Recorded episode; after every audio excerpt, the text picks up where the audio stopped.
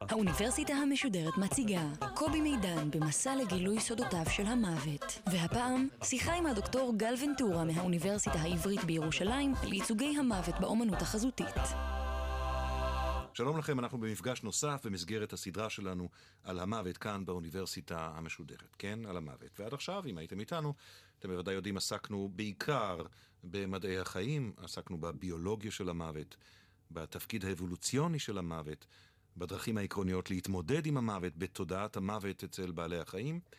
ועכשיו אנחנו מבקשים לעשות הפוגה קצרה אה, במתודה או בדיסציפלינה של מדעי החיים, ולעבור להתמודדותו של האדם עם העובדה המכרעת הזאת. כמובן, ההתמודדות הזאת נערכת גם, או קודם כל אפילו, בתחומים של הפילוסופיה ושל הדת, אבל הפעם אנחנו מנסים לעשות זאת באמצעות בדיקת האומנות על תולדותיה. אחד מכלי ההתמודדות המרכזיים של האדם, כשהוא עומד בפני העולם, בפני הדברים שמתחמקים מהבנה פשוטה, האומנות. הדוקטור גל ונטורה היא היסטוריונית של אומנות ומרצה בכירה בחוג לתולדות האומנות באוניברסיטה העברית בירושלים. בין תחומי העניין העיקריים שלה, אומנות המאה ה-19, הנקה, אימהות באומנות, רפואה, תרבות חזותית ועוד. דוקטור גל ונטורה, שלום לך. שלום. אני יודע שזאת שאלה אה, כמעט מגוחכת ברוחב שלה וביומרה שלה, אה, אבל בכל זאת אני מבקש ממך לשרטט בכמה דקות איזה ייצוג, איזו נוכחות, באופן כללי, יש למוות בעולם האומנות ובהיסטוריה של האומנות. הנוכחות והייצוגים של המוות, וזה לא תמיד ייצוגים, הרבה פעמים זה המוות עצמו, למשל באומנות המצרית, אם נחשוב על הגופות החנותות, או לחילופין נעבור לקטקומבות בפריז ונחשוב על ששת מיליון הגולגלות שמשובצות שם, אז לפעמים זה המוות עצמו שהופך להיות חלק מאיזושהי יצירה אדריכלית, מיוצג באומנות למעשה משחר ההיסטוריה. אז אני רוצה להתחיל בלתאר יצירה, וזה תמיד מוזר לדבר ברדיו על אומנות, אז אני אנסה לתאר אותה אני תמיד חושב שהאתגר הזה, לתאר ברדיו אומנות חזותית, הוא עובד לטובת הרדיו. בסוף, בסוף, אחרי המאמץ, אבל בבקשה. אני מסכימה איתך. דמיין שאתה נכנס לגלריה קטנה פריזאית, כדי לראות איזשהו מיצג. ואתה רואה שם אה, מקבל את פניך שלד עצום, שמרחף ותלוי למעשה מהתקרה. אורכו 17 מטרים, ואתה עומד מול הפנים ומתלבט מאוד אם להמשיך ללכת, משום שאתה מוכרח לעבור מתחתיו. ואתה מתחיל לצעוד בחשש מה, משום שהעיניים שלו, חסרות העיניים, בעצם מתבוננות בך. ואתה ממשיך לצעוד, והנה אתה רואה בקצה, לאחר שאתה חולף על פני הגלריה כולה בחשש שמא הוא ייפול עליך, שבקצה במקום רגליים יש לו פרופלור, ופתאום אתה מבין שהשלד הזה יכול לרדוף אחריך גם מחוץ לחלל הגלריה, ואתה פתאום כלוא לחלוטין ומבין שהמוות חי מתמיד ומחפש אחריך באופן אישי כמעט. החוויה הזאת, אני מתארת פה פסל אה, מאוד גדול כאמור של אה, אומן ממוצא אלג'ירי שחי בפריז, בשם עדל עבדסמד, ומבוסס על איקונוגרפיה מאוד רחבה של תיאורים של המוות שרודף אחרי בני אדם. יש יצירות למשל של ג'יימס אנסור, שהוא אומן שפעל בשלהי המאה ה-19 בצפון אירופה, ותיאר את המוות שעוקב אחרי בני אדם מבועתים שמנסים לחמוק מפניו. ובצורה שונה לחלוטין, כי פה תיארתי יצירה מאוד דרמטית, לפעמים החוויה הבעתה מפני המוות היא מאוד מעודנת. למשל, ואני אקח אותך עכשיו למרחב אחר גיאוגרפי והיסטורי, יצירה של מזאצ'ו, שנקראת השילוש הקדוש, ונמצאת בפתח של כנסיית סנטה מריה נובלה בפירנצה. ואתה נכנס לפתח הכנסייה, היא מאוד מינימליסטית, ומולך ציור קיר מעודן, כן, של הרנסאנס אה, המוקדם, ואתה רואה בהתחלה את ישו הצלוב, ומעליו את האל האב שחובק אותו, ומצדדיו אתה רואה את מריה ואת יוחנן התלמיד, ואז אתה קולט עוד שני אנשים שמצויים מתחתם, ואלה האנשים שתרמו את הציור, ופתאום... מלמעלה למטה אתה קולט שהדימוי שנמצא מולך הוא שלד ששוכב על פני מצבת קבר, ומעליו כתוב, פעם הייתי מה שאתה היית, ומה שהנני, גם אתה תהיה. החוויה הזאת מתרכזת למעשה באימת המוות, והאומנות גדושה בשלדים וגופות מרכיבות, חלקן ממשיות, כמו שאמרתי, כדוגמת המומיות, חלקן ייצוגים חזותיים של המוות, וזה גם מאוד מגוון, זה כולל שלדים רוקדים מקאברים מהמאה ה-16, או צילומים של מיטת המוות, אה, צילומי פוסט מורטם של אנשים שנפטרו, שהיו מאוד מקובלים במאה ה-19, וכלה אפילו בצילומים של גוויות מרכיבות של אנשים שנרצחו באלימות, ותועדו בסדרה אה, של אומן אמריקאי בשם אדרי סרנו, שנקראת The Morgue, חדר המתים מ-1992, שכוללת ממש חלקי גופות ממשיים שהוא צילם בחדר המתים, עם שמות מזוויעים כמו rat poison suicide number 2, כלומר, ברור לך שיש עוד אחד, ותיאורים מהסוג הזה. אוקיי, okay, אז את תיארת uh, באמת uh, עיסוק משחר ימי האדם ומשחר ימי האומנות. נכון. יותר נכון. ותיארת אה, סוגים שונים או גישות שונות. את יכולה לעשות קצת סדר בגישות האלה או בז'אנרים האלה? בהחלט. אני רוצה לדבר על ארבע נקודות מרכזיות. אני אפתח בראשונה שהיא הנקודה הפסיכולוגית, והיא למעשה אה, קשורה כמובן לשלוש האחרות. אז ברמה הפסיכולוגית, אה, למעשה מה שחשוב להבין קודם כל, זה שהאומנות, הייחוד שלה, ובייחוד האומנות החזותית, שהיא יכולה לתווך בין האדם החי ובין המוות. אה, הפילוסוף לודוויג ויטקנשטיין הסביר שמוות הוא בעצם לא אחד ממאורעות החיים. כי את המוות אנחנו לא יכולים לחוות, אלא רק את מותו של הזולת. אה, במובן הזה, במובן הזה, המוות הוא תמיד אירוע אה, שקורה למישהו אחר. נכון. Mm. והאבל הגדול הוא כמובן אצל מי שנותר, האדם המת, אלא אם נאמין שהוא שב ויש לו חיים לאחר המוות, אבל מהרגע הזה חייו מסתיימים והסבל הוא בעצם מנתם של הנותרים. אז נשאלת השאלה ברמה הפסיכולוגית למה אנחנו רוצים לראות את המוות, ואפילו נהנים לראות תיאורים מזוויעים במיוחד של מתים, וזה יכול להיות לא רק באומנות, אלא אם נחשוב על המדיה, והיום דש מנפיקים לנו שפע של uh, בחינות, כן, של האירוע הזה. למעשה אפשר לומר שבאמצעות האומנות אנחנו יכולים לחוות את המוות דרך הזולת, את המוות הבדוי, בייחוד כשזה ייצוג של מוות, שבצורה מסוימת מאפשר לנו לחוות את המוות, ועדיין לחזור לחיים בתום התהליך של ההתבוננות. תיאורי המוות בעצם מאששים בצורה פרדוקסלית את האמונה שלנו באלמותיות שלנו. יש מוות, אבל הוא לא שלי. הוא דימוי שמתרחש אצל אחרים. בהקשר הזה, ייצוגי המוות באומנות מבטאים בו זמנית חרדה גדולה, אבל גם תשוקה למוות. מין הדחקה שנידונה לכישלון. סוג של תפיסה דיאלקטית של משיכה שמשולבת עם חרדה, של הארוס, האירוטיקה שבמוות, למול הטנטוס, כן, האימה שבסוף. האומנות החזותית מאפשרת ביתר קלות את ההדחקה הכושלת הזו של חרדת המוות, כי הצופה הוא למעשה הניצול שעומד מול ייצוג של מישהו אחר שמת, וכך חווה ביתר שאת את חייו שלו.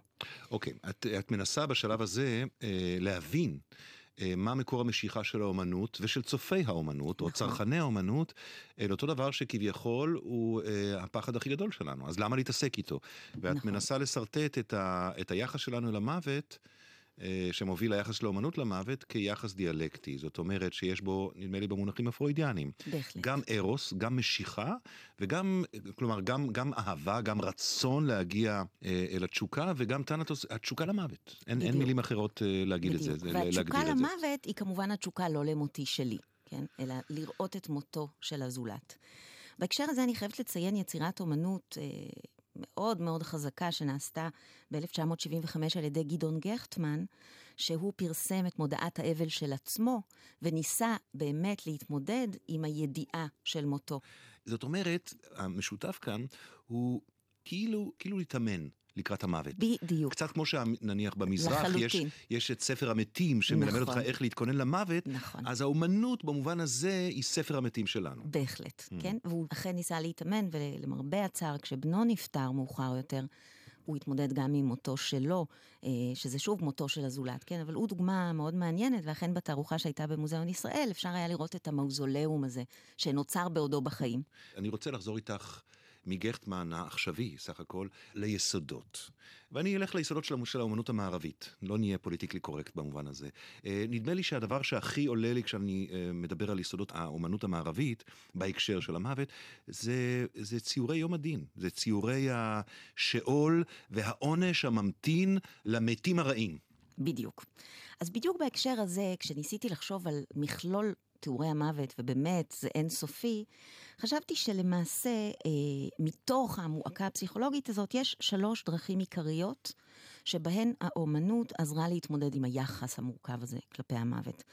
השיטה הראשונה אה, הייתה הפחדה, השנייה הייתה תקווה, והשלישית הייתה הנצחה. ההפחדה מתארת לתפיסתי מה שאני קוראת לו החי המת. כלומר, הגורל הנוראי שמצפה לאדם החי לאחר מותו. האסטרטגיה הזאת כמובן שימשה את הדתות כאמצעי לעידוד חיים נאותים כהכנה למוות, בראשן הנצרות. מובן שבכך אנחנו צריכים לזכור שהיא שונה מהותית מאסטרטגיה חלופית להתמודדות עם המוות, וזה אה, אכול ושתה כי מחר נמות, כן, אה, תפיסת הקרפה דיאם הלטינית, הרומית, שבהינתן העובדה שנמות, אולי מוטב שנהנה מהחיים. Mm-hmm. השיטה הזו לא שולטת במערב, השיטה הנוצרית היא השולטת. האסטרטגיה השנייה היא תקווה, והיא מתארת את מה שאני קוראת לו המת החי. כלומר, האפשרות של המת לשוב לתחייה בגופו הפיזי. והשלישית, הנצחה, מבטאת מעין הכחשה של המוות הפיזי, ומחשבה שלמעשה ייתכנו חיי נצח, ולו של הנשמה. עכשיו אני אפתח ביום הדין, משום שאני רוצה לפתוח בהפחדה. ההפחדה התבטאה אכן בייצוג של המוות כאמצעי שמזהיר את הצופים מפני חיי חטא, כהכנה למה שנקרא המוות הטוב. כך למשל תארו אנשים אה, מיוסרים בגיהינום כהמחשה למעשה למה שנקרא המוות הרע. עכשיו, מה זה מוות טוב ומוות רע? אנחנו לכאורה חושבים שמוות הוא בהכרח רע. יש טקסט מאוד מעניין של סנט אמברוזיוס, שנקרא Death as Good. ומה שהוא מסביר זה שחיי חטא מובילים למוות הרע. והאדם שחי חיי חטא, כמובן ייהנה במרכאות משבעת מדורי הגיהינום שממתינים לו. לעומת זאת, אדם שחי ברוח הנצרות יכול לזכות במוות טוב. המוות הזה מקרב אותו לישו ולאלוהות עצמה. ההבחנה הזאת היא כמובן חשובה, כי היא מעידה על כך שמוות לא נתפס בהכרח כדבר רע, אה, אלא הוא תלוי תרבות, ועל פי התפיסה הנוצרית, המוות הרע קשור לחטא, ולכן גוזר על האדם החוטא ייסורים מתמשכים. אני רוצה פה לתאר שתי יצירות. הראשונה של ג'וטו, אה, יום הדין האחרון, שנעשתה בראשית המאה ה-14, והיא מופיעה בפדובה, בקפלה קטנה מופלאה שנקראת קפלה סקרובני, ובה כשנכנסים אפשר לראות שהציור של יום הדין מתפרס על פני קיר שלם. מה שמאוד מעניין אבל במודל של הרנסאנס המוקדם, זה שיש הבחנה של טיב המוות, הבחנה ממש גרפית תיאורית. שרואים באותה עבודה של אה, ג'וטו. כן, למה אני מתכוונת? יש ציר אמצע שמתאר את ישו ואת הקדושים. Mm-hmm. משמאל, דהיינו מימינו של ישו, ישנם המבורכים, והם עומדים בסדר מופתי כרשימה של קווים שיוצרים תחושה של סדר וריתמוס בעין. לעומת זאת, בצד הימני, שהוא השמאלי של ישו, כי היצירות האלה מתוארות מנקודת מבטו של ישו עצמו, יש בלגן מוחלט, יש כאוס מוחלט, יש איזה מין מפלצת ענקית שבולעת אנשים שמתחלקים למדורי גיהינום שונים ונבלעים בלשונות אש, ספק דם של אותה מפלצת. המתח הזה בין סדר לחוסר סדר עולה למשל ביום הדין האחרון של פרנג'ליקו מכנסיית סן מרקו בפירנצה. שם זה עוד יותר בולט, משום שלמול הכאוס בצד ימין של הנידון נידונים לגיהינום, שנבלעים בין השלדים והשטנים שמקיפים אותם, המבורכים רוקדים במעגל אינסופי, והצורה המעגלית הזו משדרת את המוות הטוב במלוא יופיו, כן? הצורה שאין לה התחלה ואין לה סוף, והם ימשיכו לצעוד כך לנצח, למול האיסורים הכאוטיים של הנידונים לגיהינום. אמ, יש כמה סוגים חזותיים נוספים שמבטאים את אסטרטגיית ההפחדה. האחד הוא ממנטו מורי, דהיינו זכור את המוות, המוות כן. בדיוק, וזה בדיוק שורש, הפוך. אני רק אזכיר ששורש הביטוי הוא בהכתרה של קיסרים אה, רומיים, בזמן נכון. שהקיסר מוכתר ורומא כולה יוצאת החוצה, וצריך לזכור שכאשר הקיסר הרומי מוכתר הוא גם עולה לדרגת אל. נכון. באותו יום עצמו הוא עומד בכרכרה ומאחוריו עומד עבד. נכון. חשוב שזה יהיה עבד, ולוחש לו כל הזמן ממנטו מורי. זאת אומרת, אדוני האל, זכור את מותך. בדיוק. אז זה שורש הביטוי, איך הוא בא לידי נכון. ביטוי uh, עכשיו, באומנות? עכשיו, זה שורש הביטוי, אם כי כמו שאמרתי קודם, ברומא בדרך כלל הם העדיפו את קרפה דיאם, כן, את הגישה ההפוכה, חיה את הרגע.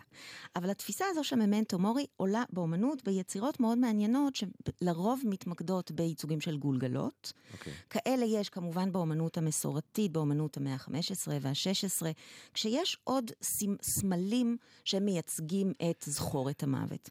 אלה יכולות להיות כאמור גולגלות, נר דולק, שעוד מעט יכבה, פרפר, שאורך חייו אה, הוא ימים ספורים או שעות ספורות. ייצוג של החושים, כן, שאומר לך להפך, אתה יכול ליהנות ממזונות טובים ומשפע, אבל עוד לא נוצר האדם שיכול לקחת את כספו אל הקבר. בועות סבון, ששוב מתפוגגות במהירות.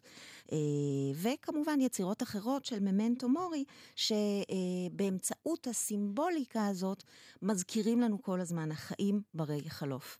הרעיון הזה מובע בעוד ז'אנר שנקרא וניטס. שזה למעשה הבל הבלים. זה ז'אנר שמוקיע את uh, הנאות הבשר והגירה של ממון.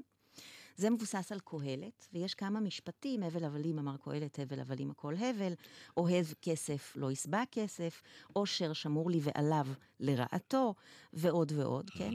ולמעשה הווניטס כולל גם נרות וגולגלות אנושיות, שעוני חול שמורים על הזמן החולף, פרחים במצבי ריקבון משתנים, אה, פירות שממבט ראשון נראים מאוד מפתים, ואז אנחנו רואים את חור התולעת ואת הזבובים שעומדים, ומעידים על כך שהדבר היפה ביותר, המושלם ביותר, סופו למעשה להתקלות. ואלה שתי סוגות שהיו סוגות אה, לא רק לגיטימיות, אלא גם נפוצות מאוד לאורך מאות שנים באמנות האירופית. לחלוטין. זכור את המוות והבל הבלים, הכל הוא רעות רוח במובן של חלופיות. בהחלט. mm-hmm. אני רק רוצה להזכיר דוגמאות עכשוויות, כי חשוב להבין שהז'אנרים האלה ממשיכים עד היום.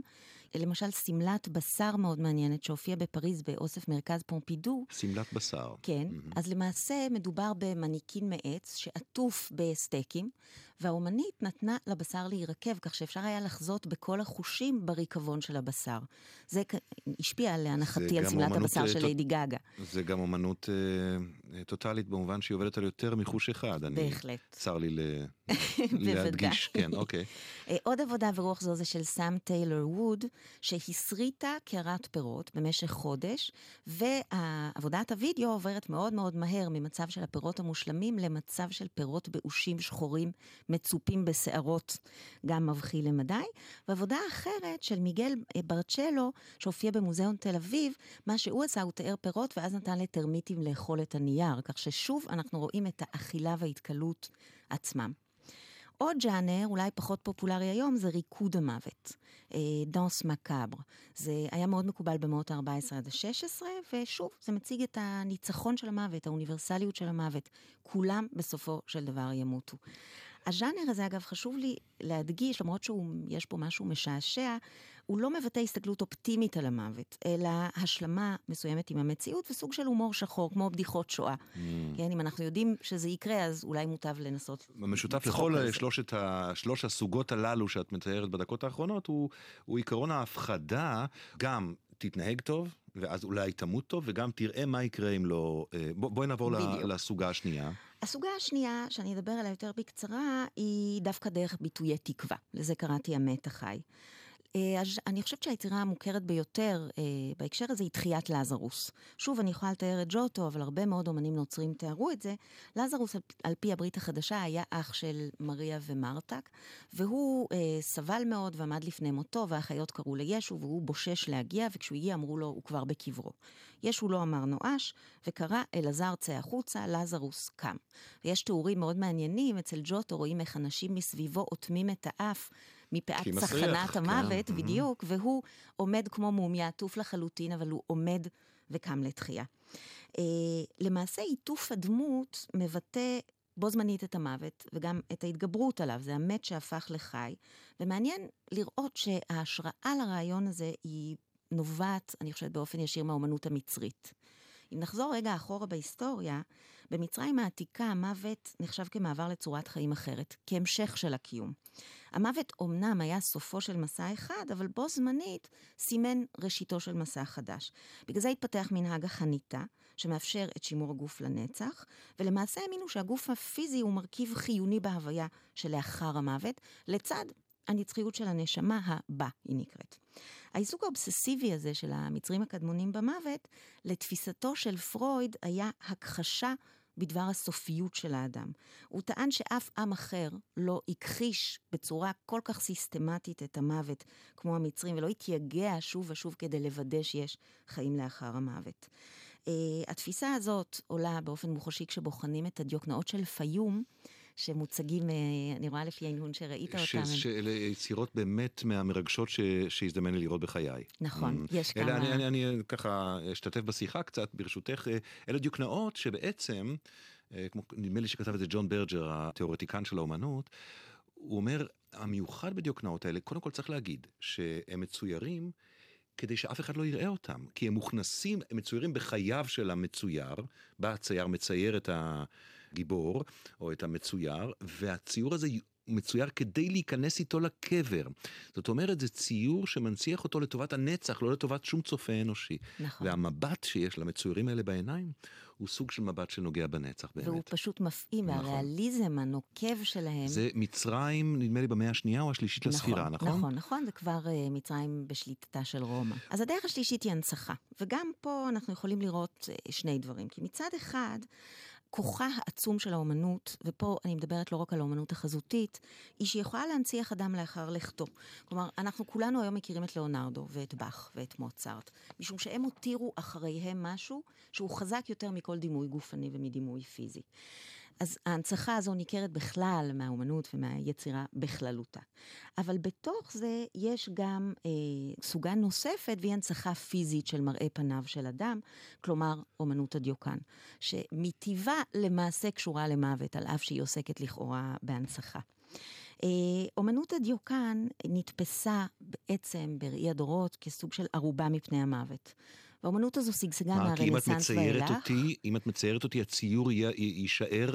לתמיד. וזה עוד לפני הצילום. וזה עוד לפני mm, הצילום. Okay. אוקיי. כמובן שהצילום תפס תאוצה, ואגב, לאחר המצאת הצילום, התאריך הרשמי הוא 1839, במהרה דיוקנאות הופכים להיות באמת המספר הגדול ביותר, האחוז הגדול ביותר של הצילומים שנעשים. דיוקנאות, וגם אחרי המצאת הצילום יש מה שנקרא פוסט מורטם.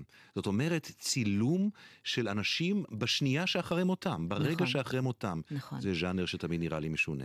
זה ז'אנר מאוד מעניין שלמעשה לא, לא נולד מנציח, עם הצילום. כי אתה לא מנציח את המוות. נכון, אבל זה ז'אנר שלא מנציח מניח, שאגב איננו ייחודי לצילום, אם נחשוב על מסכות מוות שנעשו עוד ברומא, אה, ומסכות המוות המשיכו, יש מסכת מוות נפלאה של נפוליאון ושל דמויות אה, חשובות לדעתי אחרות. לדעתי יש גם מסכת מוות של עגנון. לדעתי. אני חושבת שאתה נכון, צודק. נכון, נכון, נכון. נדמה לי שתומרקי נשא אותה. נכון, אוקיי. מה זה מסכת מוות? למעשה יוצקים בגבס על פניו של אדם, בדקות האחרונות שעוד ניתן לראות אותו כפי כשה, שהוא. כשהייתי ילד וראיתי מסכות מוות בספרים, למשל על מלחינים גדולים, כן. אה, אה, זה נראה לי נורא מפחיד, וחשבתי שעושים את זה למוות, במוות, כי, כי אי אפשר לנשום, ולכן רק אחרי שמתים אפשר לעשות מסכת מוות. נדמה לי שטעיתי. נכון, למרות שיש פסל אה, אמריקאי, שכן, בשם סגל, שחנט בצורה הזאת אנשים חיים גם. Uh, בהקשר הזה של מסכות המוות או צילומי הפוסט מורטם שמתעדים אדם במיטת מותו לפני שהגוף מתחיל להתקלות, לפני התהליך של השינוי של הפנים, אפשר לראות שוב את הרצון להנציח את האדם אחרי מותו ולשמר את הדימוי שלו.